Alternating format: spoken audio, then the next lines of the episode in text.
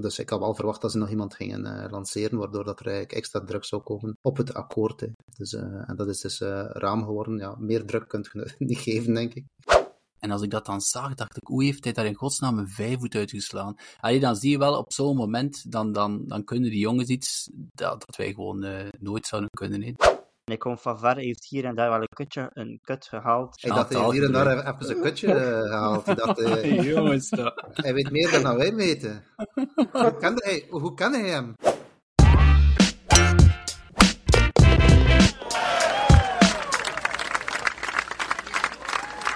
Welkom bij de Golfcultuur Eindejaars Special. En toeval of niet, maar we zitten aan aflevering nummer 40. Frederik, Jean en um, Christophe zijn er alle drie bij, dus we zijn voltallig. En dat is ook wel relevant, wat we gaan um, ja, terugkijken op 2023. We gaan uh, een paar leuke elementen aanhalen die dit jaar ook de revue zijn gepasseerd, zowel op de podcast als op Instagram, als ondertussen ook op YouTube. We gaan er eigenlijk meteen ook invliegen, want als we kijken naar Instagram, we hebben een paar weken geleden al ondertussen een uh, story gepost, een poll gelanceerd over ja, een van de grotere nieuwtjes van de afgelopen weken en maanden. RNA en de USGA die aangekondigd hebben dat ze, wat was het, vanaf januari 2028 met nieuwe ballen willen spelen. Dus ja, we vroegen eventjes aan uh, onze Instagram-volgers van, ja, wat vind jij van die kortere ballen. En er zijn denk ik een 30, 40-tal mensen die reageren op die poll.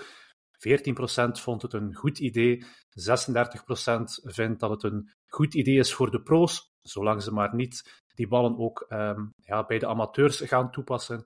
En de helft, 50%, vindt gewoon dat iedereen um, ver moet kunnen blijven slaan. We hebben ook een paar reacties van de, van de luisteraars, van de Instagram-volgers ontvangen. Frederik, wil jij er eentje overlopen? Ja, de eerste reactie die kwam van Patrick de Lange. En uh, die schrijft uh, dat het verschil zou amper 10 à 15 meter zijn met een driver.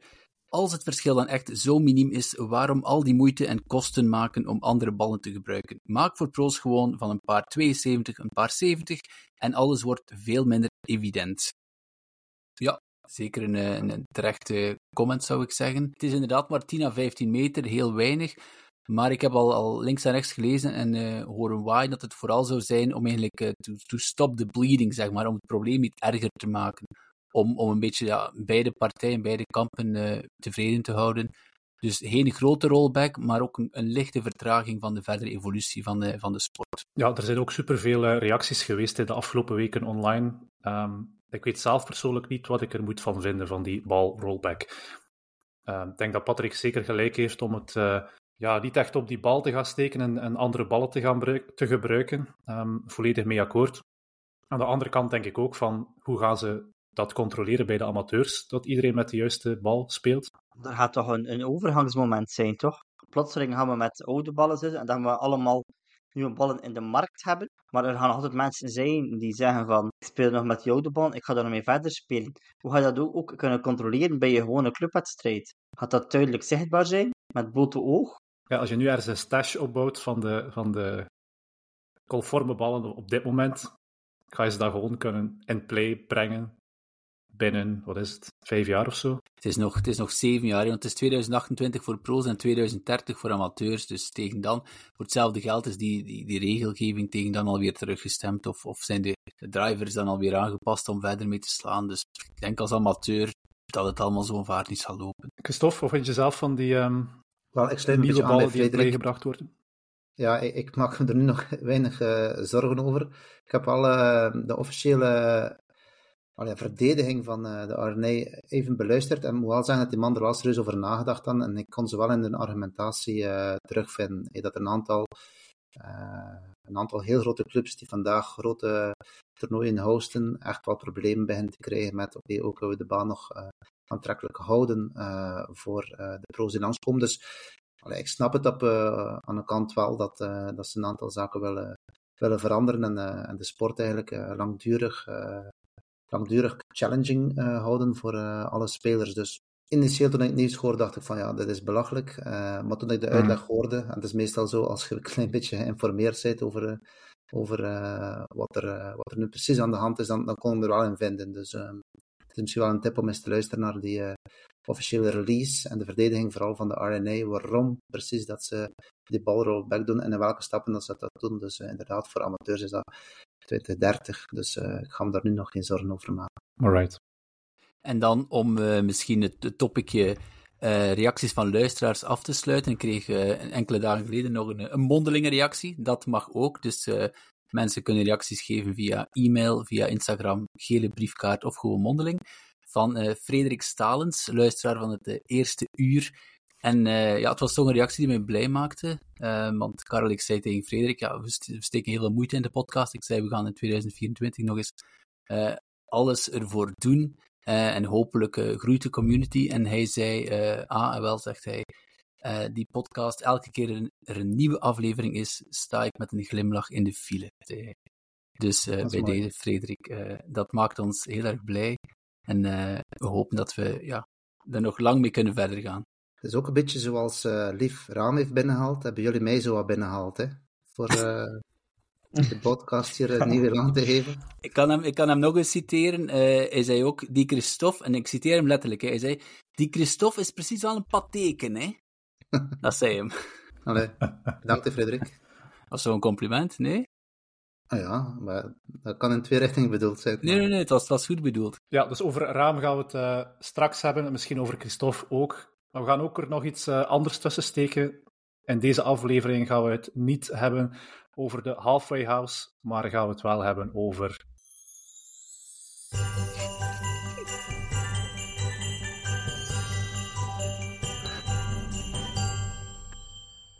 Eindejaarslijstjes. Tuurlijk wel.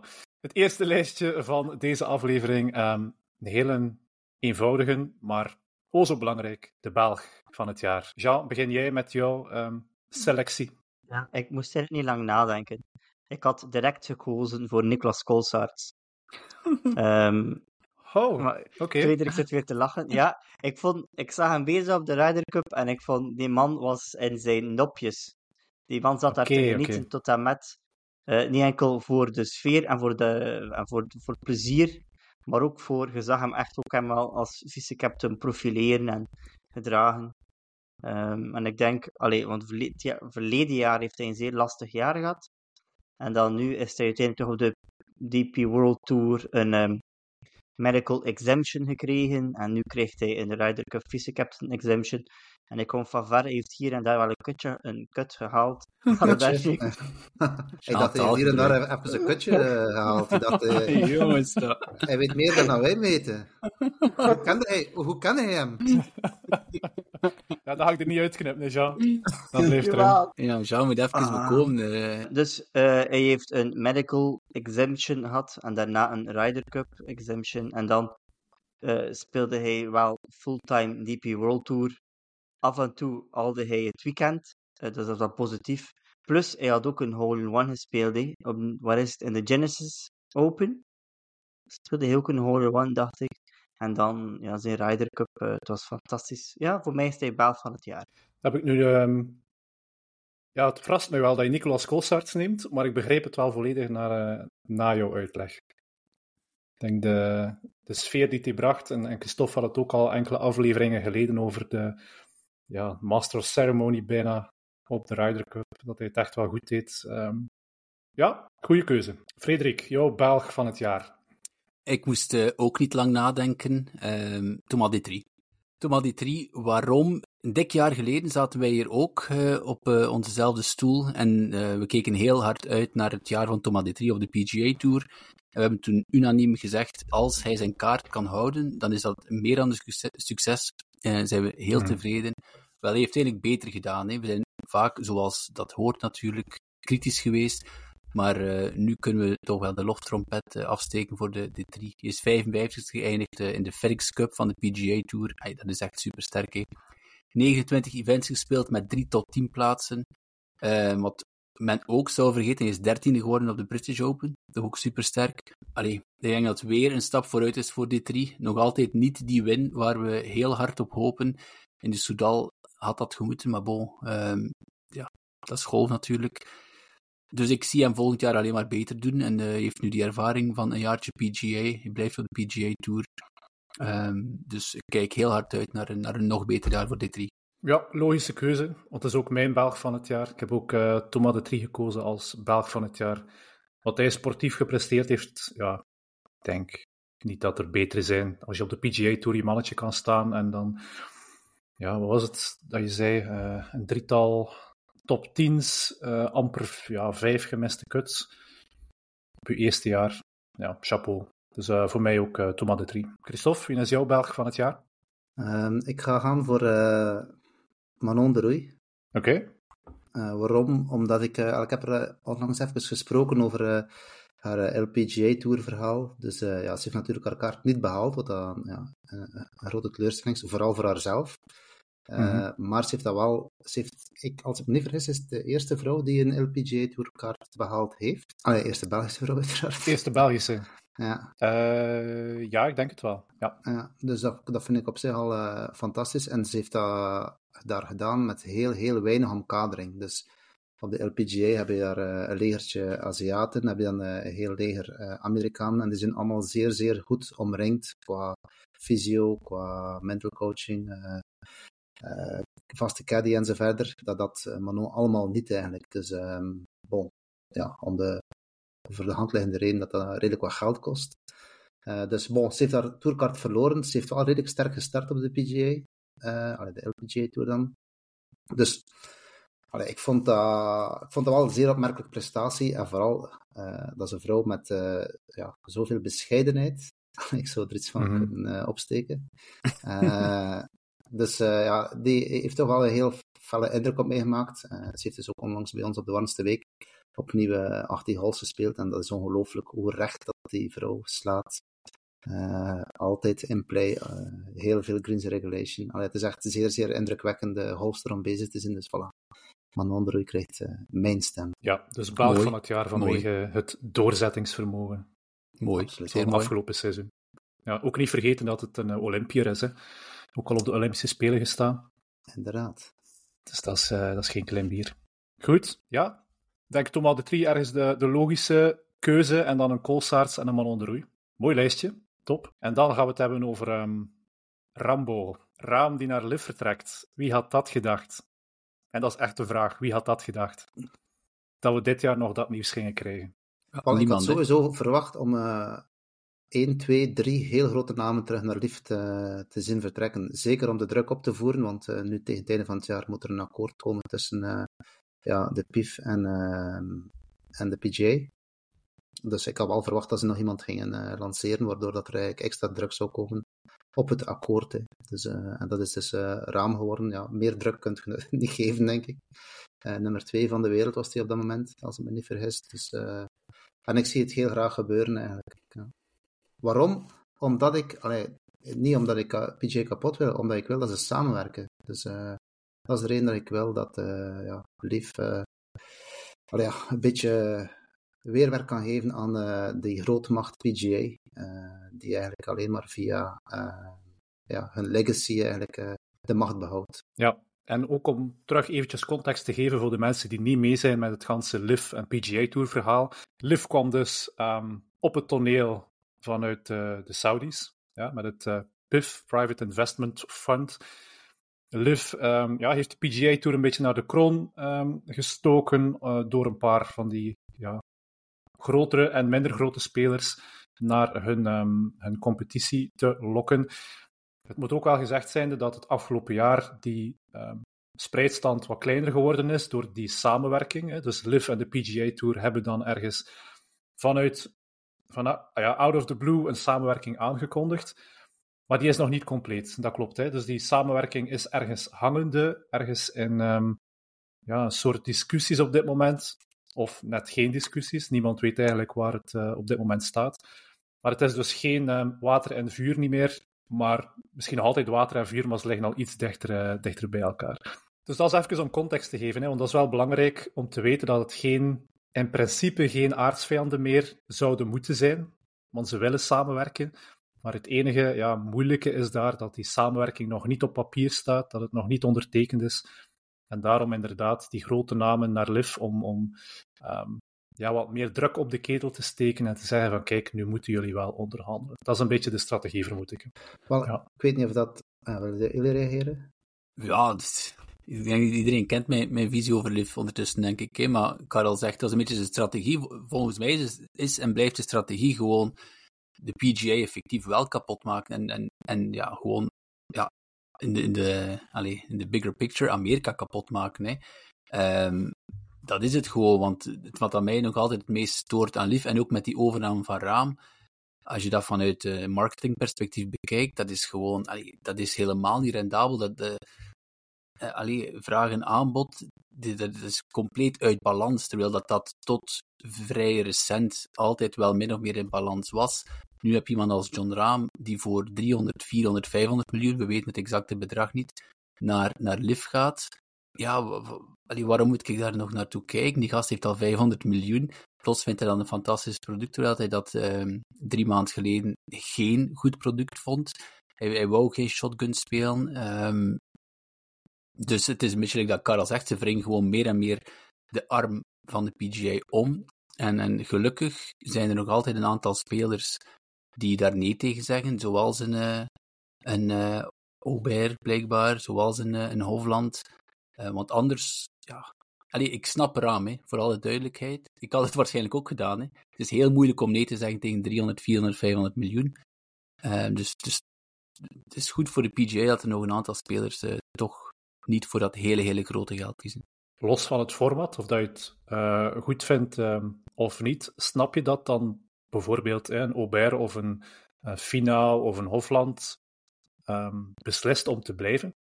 Want je weet dat die samenwerking er waarschijnlijk zit aan te komen, dat er waarschijnlijk ook wel wat beweging zal mogelijk gemaakt worden, van liefst naar PGA Tour of een totaal ander format.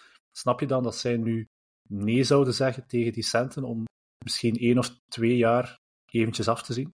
Maar in Hoflandse geval snap ik dat, want die jongen is gewoon helemaal ja, die heeft, die heeft uh, denk waarschijnlijk ook al 50 of 100 miljoen op de rekening.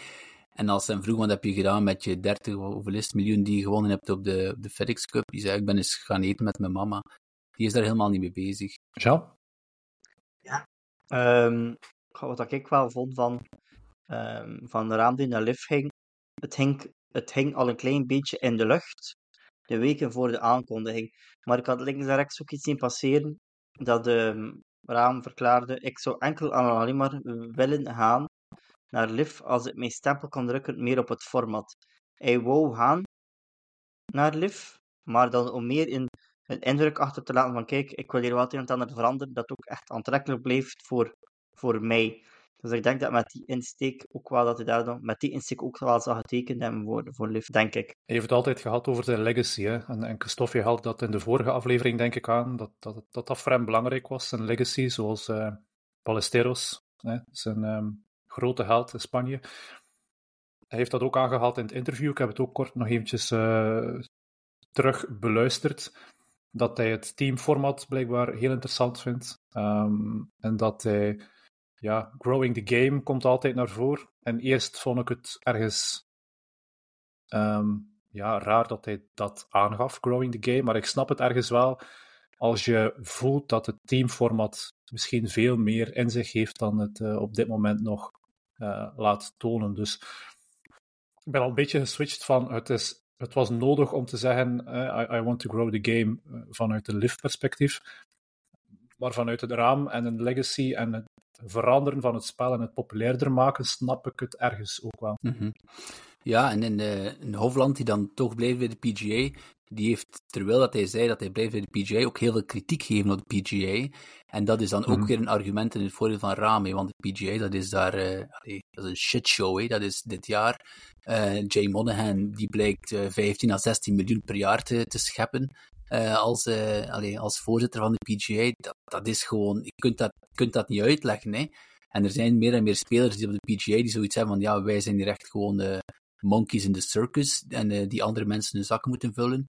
nu is het onze, allee, ons moment om effectief betaald te worden voor hetgeen dat we waard zijn. De kritiek die Phil Mickelson twee, drie jaar geleden eigenlijk al, al gaf. Dus vanuit die optiek, als je dan in een situatie zit vol onzekerheid inderdaad, in een, eh, een tour waar er heel veel misgaat, waar er heel veel chaos is. En dan staat daar iemand met 300 of 400 eh, miljoen euro te zwaaien die zegt: Kom naar ons, hier mag jij mee uh, aan tafel zitten. Ja, nogmaals, ik had dat ook gedaan. Hè. Mm -hmm. Ik kan nog kort even reageren, want het is er weer 3 tegen 1. Uh, uh, iedereen haalt altijd aan, ja, de enige reden dat ze gaan is het geld. Ik ga de bal eens terugkaatsen. De enige reden dat die jongens niet gaan, is omdat ze verboden worden om nog mee deel te nemen aan PGA-wedstrijden. Dus ik vind uh, de attitude van PGA gewoon uh, ja, onaanvaardbaar. te er zijn, ik geloof, 15 tours wereldwijd dat ze ook mogen spelen. En op Liefgolf mogen ze niet spelen. Dus het is toch, het is toch gewoon uh, ja, belachelijk. En ze schieten in hun eigen voeten natuurlijk. dus meer en meer gaan gaan. En we hebben de warmste week bij ons gehad, Thomas Pieters. Ik heb er kort eventjes over kunnen spreken met hem. En hij zei ook, ja, John Rahm is fantastisch nieuws, maar het is niet het laatste nieuws dat er uh, gaat vallen. Dus uh, er gaan er nog komen. Ik heb ook eens de 48, allee, het zijn er ondertussen 44, denk ik, die de bevestigd hebben voor volgend jaar. Er is geen enkele naam die ik niet meer ken. Dus uh, als ik, op de PGA Tour spelen er veel meer, maar ik moet eerlijk bekennen dat ik heel veel namen op de PGA Tour niet ken. Maar op de Leaf Golf Tour ken ik de 44 namen allemaal, ken al die spelers. Dus uh, de eerste jaar was het, zijn allemaal uh, fan de carrière mannen en zo verder. Dat is niet meer waar. Hè. Als je kijkt naar de toppers dat ze hebben, zijn, ja, het zijn twee toppers, maar tussen zijn er al tien toppers die daar aanwezig zijn. Tien wereldtoppers. Dus ja, ik denk dat we kunnen blijven uh, tegenstribbelen en zo verder.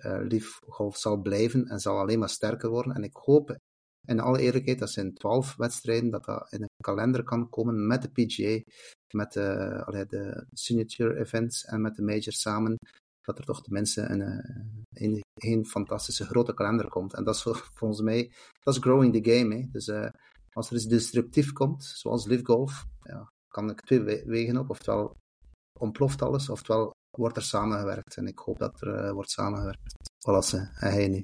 En dat is een hele mooie intro, of dat is een hele mooi bruggetje naar um, ons volgend lijstje.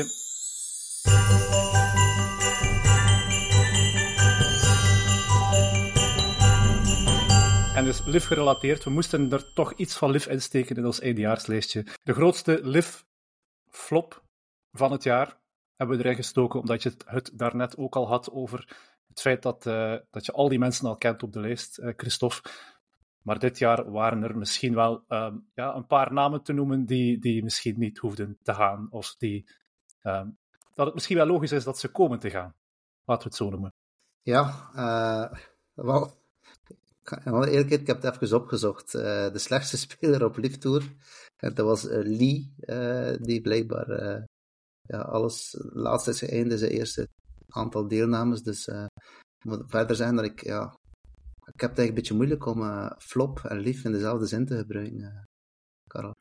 Mooi jongens, toch. Hoeveel betaalt zij jou, Christophe? Uh, ik zal ik het overnemen, Karel, want ik denk dat de tweede laatste dit jaar um, Martin Keimer was. Is dat juist, Christophe? Is het openstaande? Martin Keimer. Ik, ik, Allee, en dan nog iemand. Hij zit er dit jaar, dus ik denk het niet. Hè. hij zit drie... erin omdat hij captain is. Ze konden ah, hem er niet uitzetten. captains, ja. die zijn exempt. Ja. Um, en dan een, wie ook in Martin Keimer uh, zijn team zat, is Wiesberger. Nu, Wiesberger, zowel Wiesberger als Keimer zijn alle twee fan de carrière. Die, die, die mannen hebben een heel mooie carrière gehad. En, en de, hebben heel, zijn eigenlijk heel slim geweest misschien om naar lift te gaan. Maar Wiesberger kondigde recent zijn uh, terugkeer naar de DP World Tour aan.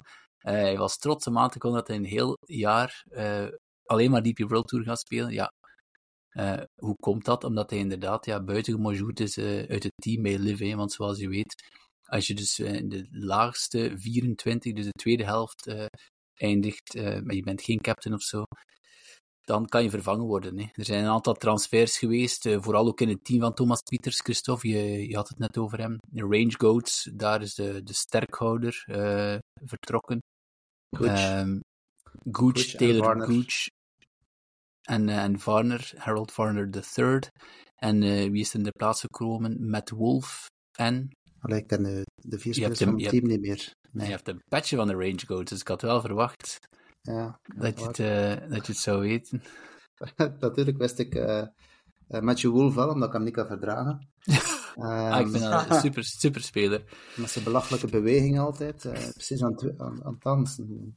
Uh, maar bon, maar... Dus om, om terug te keren. En, uh, en anders Kevin Na. Ik denk dat Kevin Na ook misschien beter gebleven was. was toch, wow, ik vond dat toch een routinier op de PGA Tour. En toch een zeer, zeer matig tot zwak jaar gehad. Voilà, dat zijn voor mij de, de jongens die misschien beter niet gegaan waren. Trouwens, uh, de spelers van LIF mogen terug op de DP World Tour meespelen, hè, als ze een invite krijgen. Hè. Spitters doet terug mee op de Souda lopen. Hè. Ja, dat is supergoed nieuws. Hè. Dat is echt fantastisch. Hij mag meedoen overal waar hij een invite krijgt. Dus uh, KLM Open uh, zal je niet gaan, omdat er dan op dat moment zelf een lieftoernooi is. Maar verder mag hij wel. Uh, dus blijkbaar is DP World Tour heeft al gezegd, oké, okay, voor ons is het terug oké. Okay. Ja, ik, nu dat je dat zegt, ik herinner mij ook nog een, ergens een statistiek. Ik ken het niet van buiten. Dat waren de eerste drie of vier wedstrijden werden gewonnen door twee liftspelers um, op de DP World Tour. Dus dat was ook wel opvallend.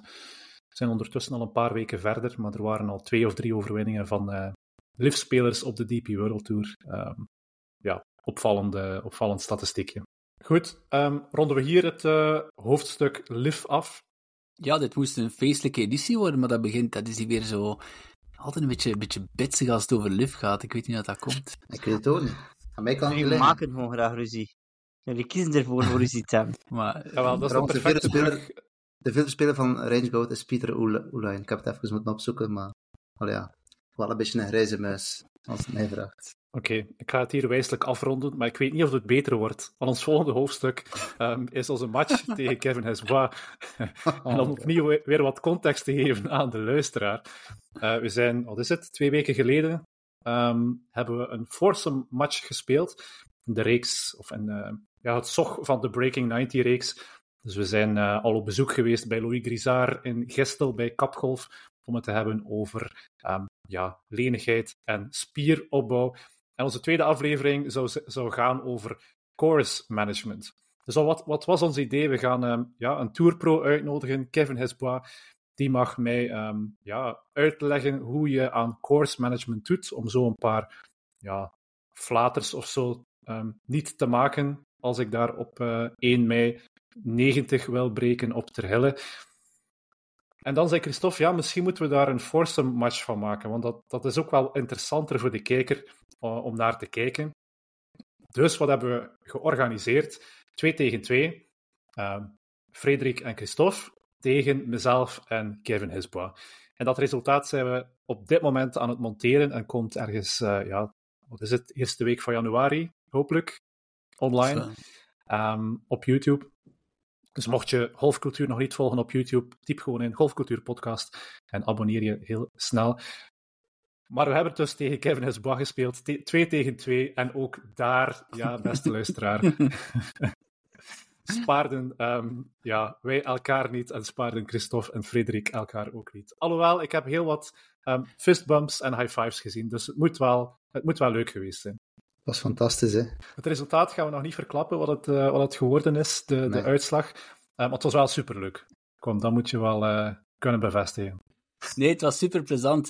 Het was, uh, het was nee, ondanks al mijn gesakker, was, het, was het heel, heel plezant. Het was, het was niet evident. Het was de eerste keer, ja, de eerste keer dat, dat in mijn geval, dat Jatje gefilmd wordt. En niet gefilmd van, ik ga een keer een shot filmen, en dan als het slecht is, gooi je hem weg. Maar nee, je wordt gefilmd en je weet, ja, elk, elk shot, als je, nu, als je hierin schenkt, ja, dan, uh, ja, dat is het, hè. je hebt geen tweede kans.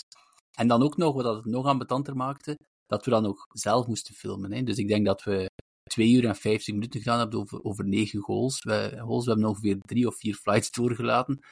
Um, dus je bent eigenlijk wel meer bezig met die video dan, uh, dan met, met de golf. Maar ondanks dat, we hebben echt wel allee, hard gelachen, zoals hij zei, Karel, we zijn er aan, aan het monteren. En, zelfs tijdens het monteren heb ik al uh, heel veel gelachen. Dus uh, Christophe, het was, het was toch wel heel, allee, je gaat het wel zien. Er waren heel veel mooie momenten tussen ons.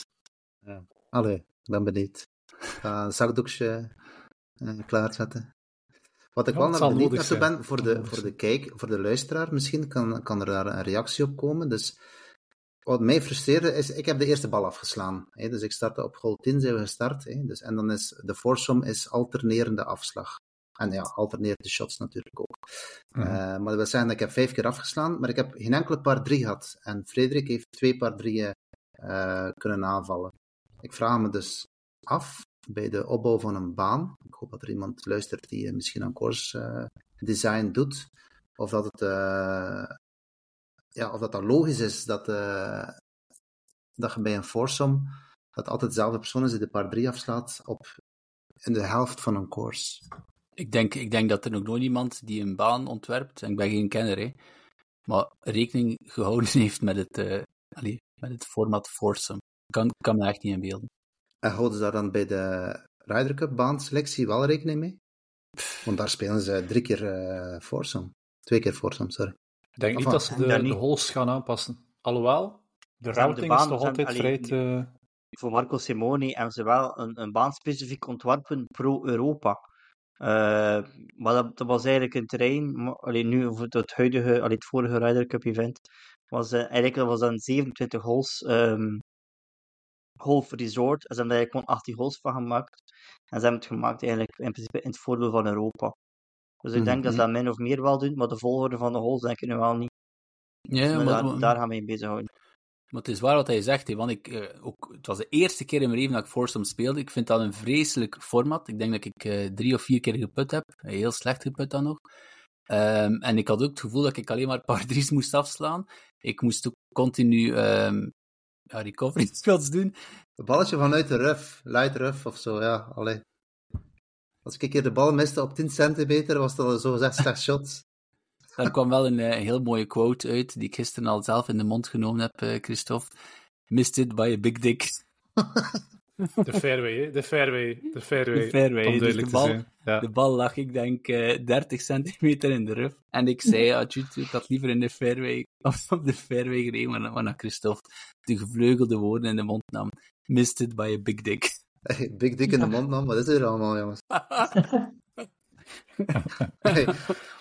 Ik ga naast mijn zakdoek zo nog eventjes, uh, ja, Kevin... Oké, okay, ik, ik, ga even de, de, de, de, de serieuze uithangen, maar Kevin Hesbois was dus uh, ook bij ons. Die is dus uh, ja, afgekomen, speciaal afgekomen van, ja, van toch een redelijke afstand, zo was het, anderhalf uur of zo, gereden naar het, de uithoek van West-Vlaanderen, um, Kokzijde, om met ons negen holes te spelen op wel heel mooi weer, moeten, moeten we zeggen. Het was een super mooi weer om te filmen en te spelen. Um, maar hij deed het toch maar, dus nog even een, een hele grote dankjewel om, om af te komen, Kevin. Wat vond je van Kevin Hesbois zijn um, ja, speelstijl, zijn, zijn shots, zijn techniek? Is, is daar iets opgevallen bij jullie? Ja, bij mij zeker en vast wel, is de consistentie. Hè? Dus hij speelt super, super consistent mm -hmm. off the tee. Um, uh, op bepaalde holes speel je fantastische bal, Karel. Ja, moet gezegd zijn, fantastische bal. Maar ja, de, de golfgoden vergeven niet. Uh, en uh, uw bal uh, werd niet teruggevonden. Dus dan moest Kevin, Kevin opnieuw een bal afslaan. En dat was op een hole met een zeer, zeer moeilijke driving hole. Eigenlijk echt mooi geen driver spelen. En hij drijft toch. Mm -hmm. ja, ik zie die bal nog altijd voor me. Fantastische drive. En mogen dit al verklappen. Jullie hebben de hole toch nog gehalveerd, ondanks een tweede afslag uh, van de tee, dankzij mm -hmm. een prachtige, prachtige afslag van Kevin. Dus consistentie was bij mij uh, wat dat wel zeer, zeer indrukwekkend was. Ja, inderdaad, van de tee, hoe dat hij drijft, hoe, hoe recht, is fantastisch om te zien. En, en het shot dat ik er zou uithalen, in een bepaald moment ligt hij in een fairway bunker. En dan een beetje onder druk. Wij lagen eigenlijk goed in positie. En dan heeft, daar, heeft hij daar een vijfvoet uit fairway bunker uh, geslaan met toch een redelijk hoge lip. En als ik dat dan zag, dacht ik, hoe heeft hij daar in godsnaam een vijfvoet uitgeslaan? Allee, dan zie je wel op zo'n moment, dan, dan, dan kunnen die jongens iets dat, dat wij gewoon uh, nooit zouden kunnen. Hè. Dus, en, en daarnaast... Spreek voor jezelf, Frederik. Spreek ja, voor sorry, ja, ik ben niet zo getalenteerd als jij. Ja. En daarnaast, ja, super sympathieke gast. Hè. Dat, was, dat was heel plezant. Het enige dat nog leuker was geweest, dat we een rondje gespeeld hebben zonder dat we heel met die camera's zaten rond te lopen. Mm -hmm, um, mm. Want en, inderdaad, uh, heel erg bedankt uh, om, om af te komen. En uh, we willen het echt nog eens doen. Hè. We willen een, rematch, want Christophe en ik al, allebei niet ons beste niveau gehaald. Um, moet ik weer over mezelf spreken? Waarmee we nog niks gezegd hebben over, de, over een uitslag, hè? Ah nee, zeker nee, nee, nee, klopt. Allee, we, we willen het zeker nog eens doen. Hè. Het is toch echt, uh... ja, wat ik ook nog ja. vond aan, aan Kevin, of misschien wil jij dat zeggen, Karel, maar um, wij hebben toch twee of drie holes gelegen in positie dat we zeggen, oké, okay, wij hebben nog 30 meter. En Kevin lag, ondanks fantastische slagen van u, Karel, nog op 100, 100 en meer meter. En iedere keer plant hij die bal ja, binnen drie meter rond die vlag en zelfs twee binnen de halve meter rond de vlag. Dus uh, zo, zoveel spin op die ballen. Dat was ook iets dat mij Mhm. opviel. Dus eh, mensen zeggen altijd over ook zeiden, ja, daar kun je de bal niet op de green houden. Ja, dus eh, Kevin kan dat wel. Dus, eh, Kevin kan het wel, ja. ja. Dat wordt mijn antwoord nu eh, voor de volgende zomer. Als die bal niet op de, op de green bleef, ja, kijk, Kevin kan dat wel, dus eh, geen excuus. Maar we willen dus voilà. uit, ja, inderdaad een, een rematch doen. hè. Het was zo leuk, we willen het nog eens doen. Ehm, maar dat filmen was, ja... Het is de eerste keer dat we, dat we het zo aangepakt hebben om en een tripod en verschillende camera's en ook micro's op te spelden. Het was niet evident om, ehm, om en goed te filmen en goed te spelen. Dus daarom ook heel ehm, kort een call to action naar de luisteraars. Als er mensen luisteren naar deze podcast, ik hoop van wel. Ehm, ja, als jullie zin hebben om eens mee te gaan op de baan, want we gaan zowel met Kevin Hesbois nog een, ehm een foursome spelen, maar misschien ook wel met eh, andere leuke gasten die we uitnodigen. Als je zelf zin hebt om mee te gaan en een camera vast te houden en die gewoon op mijn of iemand anders zijn gezicht te richten, ehm, of je kent iemand die graag filmpjes maakt eh, en misschien zelfs monteert, ja, stuur ons gewoon een berichtje op één van onze kanalen. Dat mag via die gele briefkaart, maar liefst nog via Instagram, e-mail ehm, of eh, ja, eender welk kanaal je ons kan bereiken. Maar mocht je dus zin hebben, zin hebben om mee te gaan eh, en te filmen, be our guest, zou ik zeggen.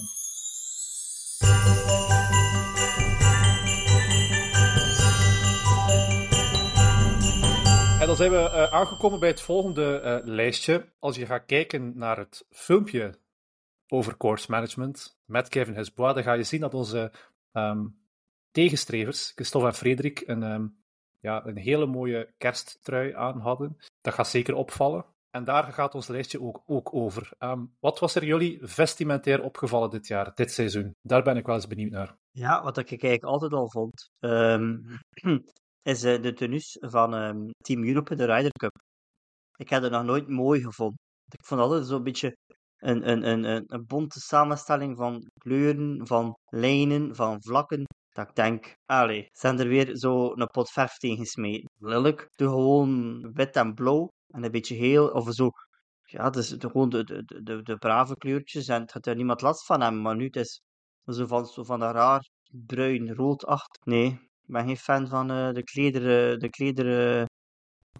van Team Europe. Ja, en ik weet ook nog, als je die wilt kopen als fan, die zijn ook super duur. Ik heb niet dan, eh, gekeken voor te kopen. Ja, dat is dat zodanig dat is- lelijk. dat is een- dat combinatie met... Ja, dat is dan een combinatie met, ehm, met de provider, natuurlijk, met de leverancier van die, van die kledij. Ehm, maar volledig akkoord. De Ryder Cup kledij voor eh, Team Europe kan beter. Akkoord. Nog zaken die jullie opgevallen zijn? Zijn we al eh, ondertussen over het feit dat eh, sommige spelers met van die...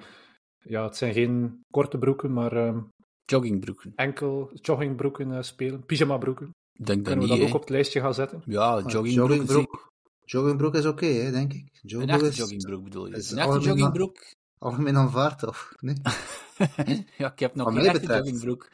Ik heb nog niemand met een echte joggingbroek, gelijk, allee, gelijk dat wij dat vroeger kenden, op een, op een golfbaan gezien. Je hebt wel van die heel dure, modieuze golf-joggingbroeken nu. Eh, joggers heet dat dan. En ik vind dat vooral in combinatie met enkelsokken en eh, klassieke golfschoenen, dus met klassieke footjoys, ja, dan vind ik dat, vind ik dat toch wel een, een modeblunder. Dat is het minste wat, dat is het minste wat ik kan zeggen. Dat is... Dat is. Allee, wie komt er daarop? Maar ik, ik blijf, liever een nog, Ik vind dan een driekwart broek nog mooier. ah, wat een driekwartbroek, dat vond ik eigenlijk zeggen, dat vond ik op niks trekken. Van Tom Kim, drie- Tom Kim, Maar ja, ja, de Ja, Tom van Kim, Tom kom aan jongens, de driekwartbroek. Allee. Maar bon, Dat is wel wat waar. mij betreft, iedereen draagt dat aan wild. En overal, ik was eh, trouwens, dat is nog grappig, onlangs op, eh, op een golfclub om, ehm, om een offerte te maken voor een golfstudio te plaatsen. En eh, ja, ik kom binnen op dat middenplein, ik kan niet zeggen welke club dat is, of ik mag er nooit mee binnen. Eh, en er komt meteen zo'n vrouw van de golfclub naar mij toegesneld. Maar ik was aan het werken, dus ik ging daar een offerte maken en ik had een afspraak met die voorzitter. Ehm, maar in elk geval, die vrouw kwam naar toegesneld en die zei: eh, Pas de jeans, pas de jeans ici, pas de jeans. ik zeg: eh, ik zei: Ja, oké, ik- kan terug vertrekken, maar ik heb hier wel een afspraak. Ja, uiteindelijk die de president erbij gehaald en ik mocht toch blijven. Ik heb wel gezegd, ja, mijn werkmannen die komen ook wel in werkkledij hier werken. Dus, maar dat mocht dan toch. Maar bon, lang verhaal kort. vestimentaire etiketten kan voor mij gestolen worden. Dan als een bommetje gedropt. Ja, ja en ik, ik, ik moet misschien ook wel denken aan iemand die nooit, denk ik, jeansbroeken zal dragen op de baan. Adam Scott en zijn klederdracht. Ben je voor of ben je tegen? Want een Adam Scott heeft altijd een soort beige, beige bruine... Ja. Um, Uniqlo, door Uniqlo. Ja. ja. Pro of contra? Dat vind ik... Pro, natuurlijk. Pro. Zeer stijlvol, altijd zeer stijlvol. Ja, ja. Ah, zeker. we, we, kunnen er weinig van zeggen. En, ja, ja en, en Ricky, ik ben een grote fan van Ricky, ook Ricky Fowler. Je, veel hipper eigenlijk. Ehm, dus je kunt, kunt ook hip zijn zonder heel rare fratsen uh, te moeten aantrekken, vind ik. Oké, goed, dan hebben we het allemaal gehad, denk ik. Vestimentaire keuzes. We zijn hier ook vestimentair in orde, denk ik, voor onze eindejaars special. Um, Breaking 90, daar moeten we het ook nog over hebben. Breaking 90 hebben we een maandje terug opgestart. Er is al heel veel over gepost en gezegd uh, geweest online. Um, maar Frederik, jij bent ook bezig met iets. Hè? Je bent bezig met jouw, ja, swing. ik zeggen, winterplan, swing, remodeling. Hoe, hoe moet ik het noemen? Ja, ja zoiets. Hè. Iets, ik denk hetgene waar elke golfer bang voor is, hè, om te zeggen tegen de, de pro waar je gaat. En nu mag je echt eens uh, alles, allee, alles zeggen wat er, wat er mis mee is. En ik ga de volgende zes maanden proberen uh, de swing, die swing te veranderen. Ik heb dat dus tegen George McKechnie gezegd, waar, waarbij ik les volg, uh, ik denk eind september. We zijn nu drie maanden verder. Um, en dat is al drie maanden zwoegen geweest, zou ik zeggen. Alles voelt een beetje houterig, al, al drie maanden lang. Uh, want telkens als je denkt van, ah, oké, nu begint, begint het weer wat te normaliseren, ja, dan heb je weer een les en dan zegt hij, oké, nu gaan we dit gaan veranderen. Dus het is wel heel interessant geweest, hè? vooral om, om te zien hoe hij niet dan van de eerste les zegt, oké, nu moet je dit gaan doen, maar zo elke les iets anders, dat hij dan zegt van, dit is waar ik jou naartoe wil brengen, en dat is telkens in, stappen. En misschien het meest interessante, in mijn laatste les moest ik zo'n een, een harnas aandoen, dat dan eigenlijk een 3D-model van je, van je toont op de simulator. Om, om, ja, het is vooral werken rond uh, op een andere manier gaan roteren. Dus ik moet mijn backswing eigenlijk korter maken. Um, door beter te roteren. Um, ik had een beetje sidebend, dus een klein beetje de overhellen in je, in je backswing. Dus anders gaan roteren zodanig dat mijn armen eigenlijk geblokkeerd zijn en, en niet, niet verder kunnen, uh, kunnen doorzwaaien. Wat, wat dan weer voor, uh, ja, voor meer variabelen zorgt. Um, dus daar ben ik hard op aan het oefenen. Maar ik kijk toch wel uit naar het einde, al, al is dat waarschijnlijk een illusie, want ik denk dat de golfswing dat dat een, een eeuwig proces is. Tenzij je op een bepaald moment zegt, en nu pak ik nooit, nooit geen les meer voor mijn swing, misschien enkel nog short game. Uh, maar ik ben, nog altijd, ik ben echt heel tevreden en ik geloof dat, het, uh, dat, dat, dat ik op de goede weg ben. Wat wat is jouw doel met um, die Hanse aanpassing met de swing? Is dat, is dat om te zakken in handicap, is dat, heeft dat een ander doel? Ja, ik denk gewoon wat, wat de meeste mensen willen. Consistenter zijn en die slechte dagen iets minder slecht. Ja. Um, ja, en die slechte slagen ook minder slecht. En daar, daar ben ik nu wel. Want ik, wat dat, mijn grootste fout, denk ik, uh, in mijn swing was dat ik een beetje op en neer ging. En als je timing dan wat verkeerd zit, dan kom je echt ja, verkeerd op je bal en dan, uh, dan raak je hem dun bijvoorbeeld. Um, dus het is gewoon echt proberen om mijn lichaam veel stabieler te houden. Um, en ook, ja, door beter te roteren heb ik ook meer swingsnelheid. Dat, dat helpt ook. Ja, om beter ja, te worden. Dus voorlopig, voorlopig alles uh, top met je aanpassingen. Ja, het voelt raar, het voelt heel onnatuurlijk allemaal, maar als het goed gaat, gaat het nu wel beter, ja. Voilà. Oké, okay, cool. Um, Christophe, jij bent het tegenovergestelde, heb ik gehoord. Jij neemt geen les? Oh, nee, ik neem geen les. Ik heb ook nooit les genomen. Um, Hm. Uh, maar het was nu al uh, ja, heel lang geleden dat ik ook wel geholfd had voor onze Breaking 90. Ik heb net een cortisone-infiltratie gehad. Trouwens, kan het iedereen aanraden, cortisone, fantastisch productje. Is geen pijn meer in de schouder, dus ik kan terug. na alcohol denk ik toch wel het meest doeltreffende middel om de pijn te verzachten. Um, maar ik neem geen les, maar ik kijk wel heel veel, ja, of keek toch vooral heel veel YouTube. Ik heb self-learning video's bekeken. Uh, ik zeg altijd, ja, de beste coaches in België zijn zeer goed. Uh, maar de beste coaches op uh, YouTube zijn nog iets beter in mijn ogen. En als je dan natuurlijk al er zelf mee bezig bent, jezelf filmt en zo verder, dan kun je daar natuurlijk ook heel veel uithalen. Dus ik doe het nog steeds op die manier. in combinatie met mhm. indoorgolfen en indoor trainen natuurlijk. Ja, dus, je volledig klaar bent dan voor het voorjaar. Ja, sowieso. sowieso. Oké. Ehm, Jean, ben jij je volop aan het oefenen voor, voor volgend jaar? Uh, nee, nee. Uh, traditiegetrouw speel ik nooit golf.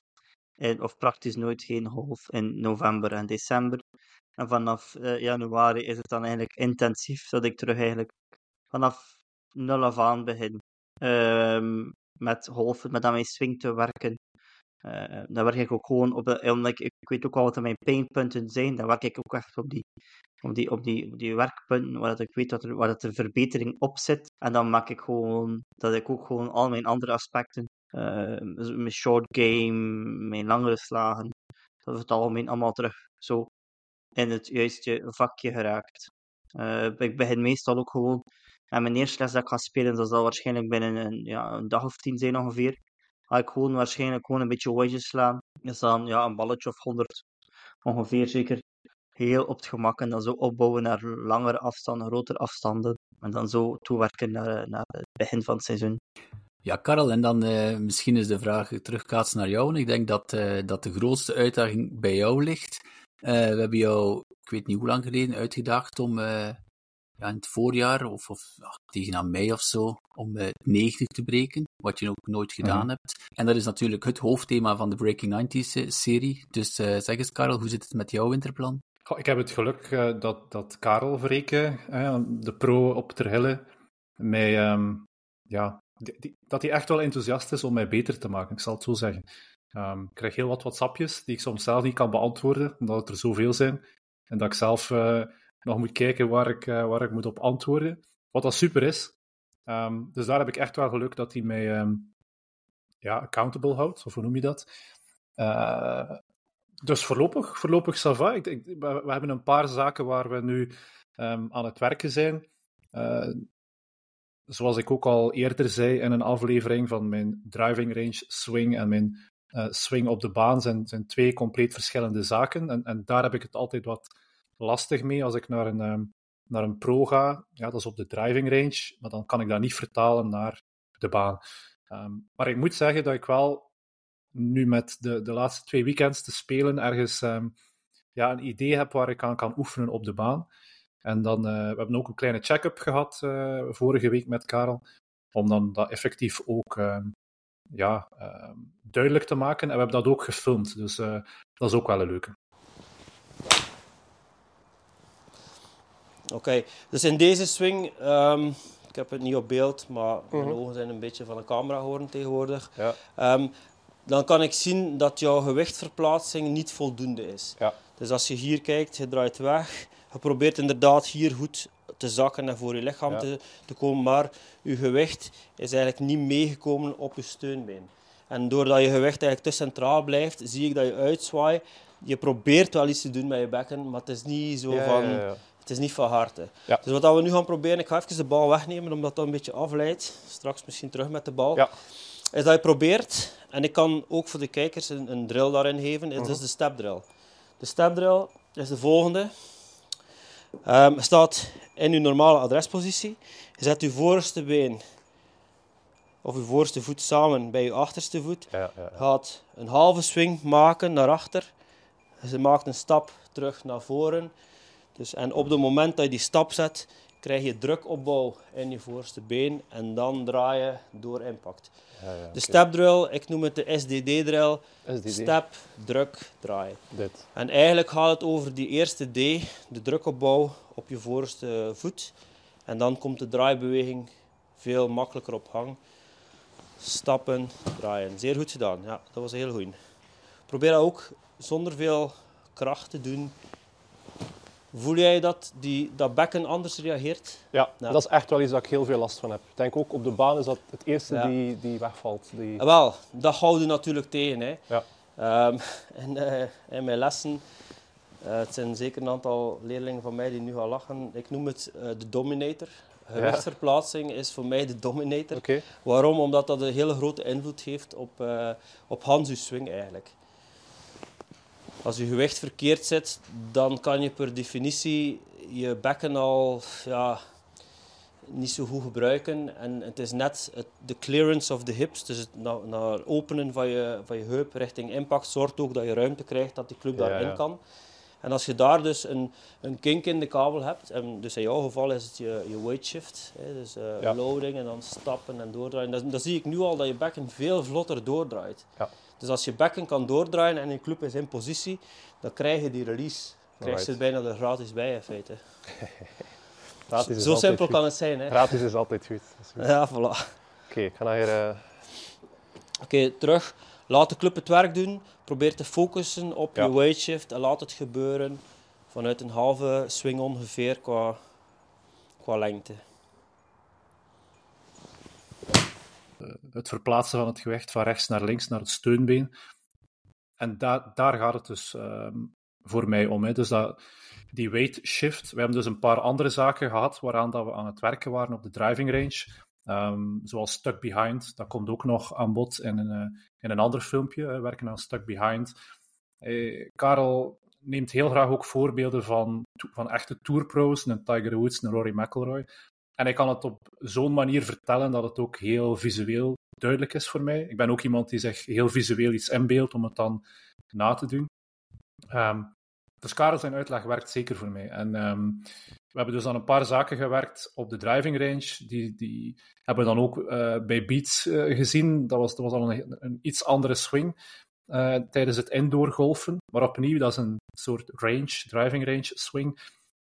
en op de baan was het toch weer ja, was het toch weer wat stroever. En dus die weight shift waar Karel het daarnet over had, um, ja, dat is dus wel effectief iets die ik ga, ga meenemen en ga opwerken als ik, als ik op de baan ga. Dus niet altijd technisch, maar vooral gewoon ja, durven doorslaan, durven die, um, dat bekken gaan, gaan anders um, gebruiken dan, dan hoe ik het nu doe.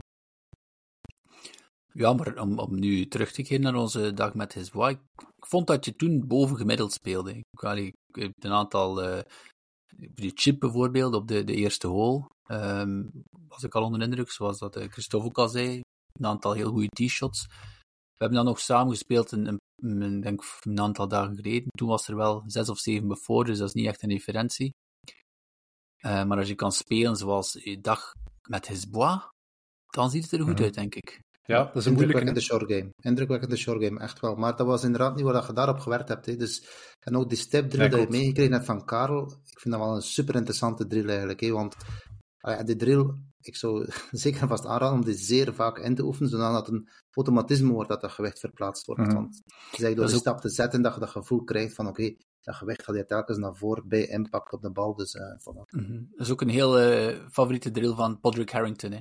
Ja, inderdaad. En het is echt wel opvallend hoe anders ik mijn bekken draai als ik die uh, step drill doe. Dus dat was ja, zeer waardevol en daar gaan we blijven aan werken. Um, natuurlijk ook genoeg oefenen.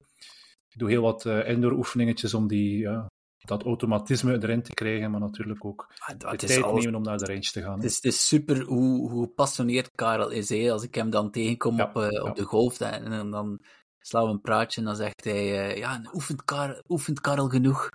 Uh, dan, dan, dan, kijk ik zo een beetje van, ik, ik weet het niet, ik hoop het. Ik, maar dan, dan zegt Karel, ja, maar wie oefent er wel genoeg, hè, zegt hij. Dus, dus allee, ja, hij leeft heel hard met je mee en hij, allee, zit er echt 100% in. Dat is een topkerel, de eerste klasse. Ja, absoluut. En we gaan dus ook binnenkort een filmpje online plaatsen. We hebben dus die ja, driving range sessie, een soort check-up, um, waar je toch heel interessante zaken aanhaalt die niet enkel interessant zijn voor mezelf, maar ook voor heel wat andere um, spelers, um, ja, plus 20 handicappers zou ik zeggen. we gaan er nog een proberen wat andere zaken aan toe te voegen en dat filmpje kunnen we dan ergens, ja, wat zal het zijn, eind januari of ergens in februari ja, publiceren op ons YouTube-kanaal.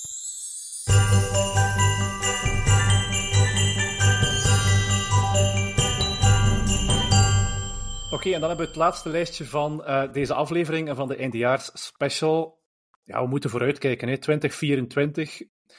En ik vraag het aan jullie allemaal. Wat is hetgene waar we eigenlijk ja, het meeste naar uitkijken in 2024? Dat kan op tour zijn, naast tour.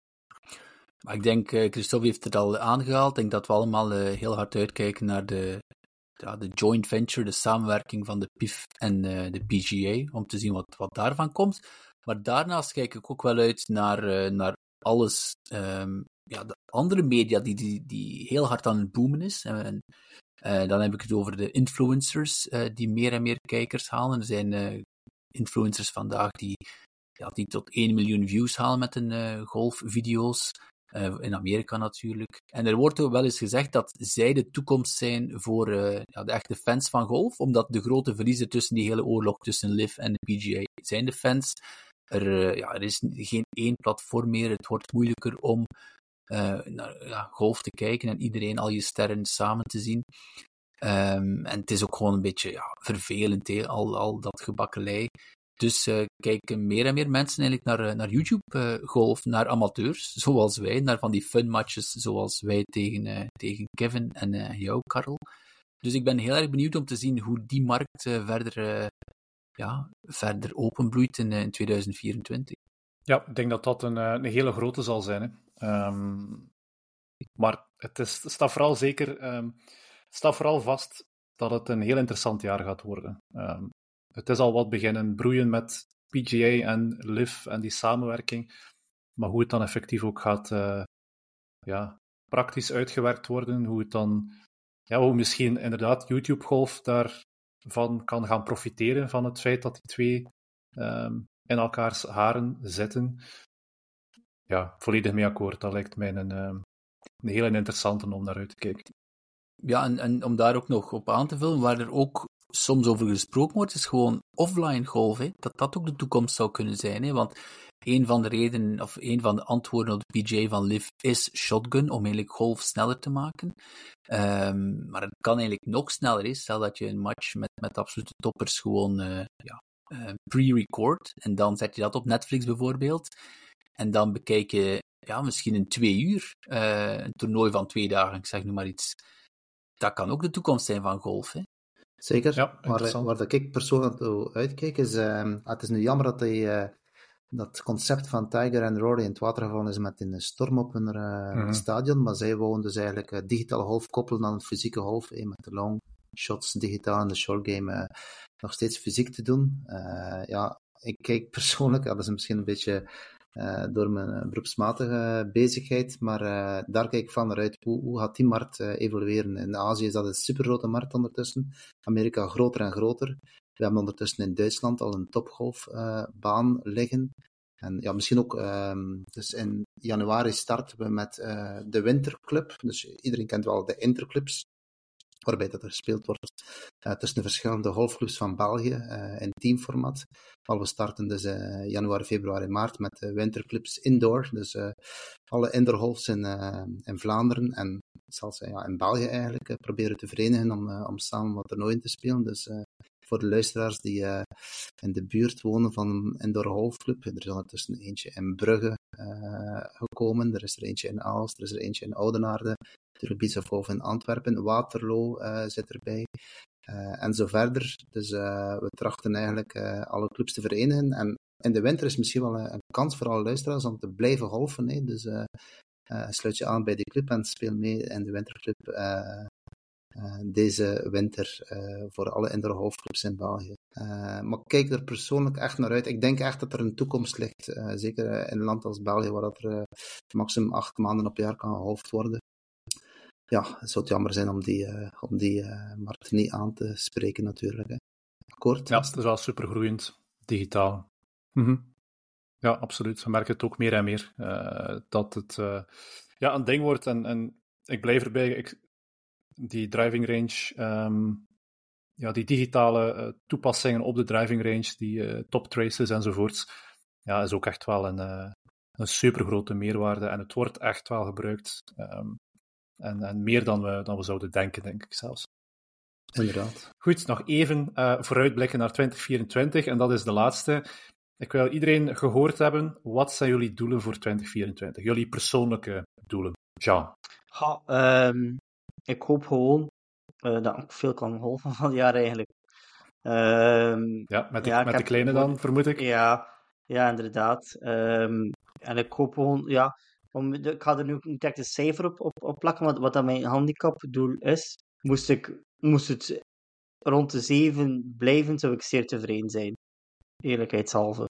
Ik denk niet dat ik ambities heb voor onder die uh, 7, onder die 6 te duiken.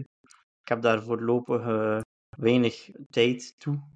Mm -hmm. Maar moest ik, moest ik wel gewoon het seizoen kunnen afsluiten met een gevoel van: kijk, ik heb, wel, ik heb deftig dingen gedaan. Kan, mijn, mijn het afgelopen seizoen kan ik echt, volgens mij, is niet te evenaren. Ik heb nog, het is wel zelden dat ik zo'n sterk seizoen heb gehad. Um, dus ik hoop wel. Dus het zou wel mooi zijn om dat uh, vol te houden. Ja, ja moest, ik op, moest ik, vraag mij volgend jaar mijn handicap. En als ik iets onder handicap 8 kan zeggen, zal ik zeer, een zeer gelukkig man zijn.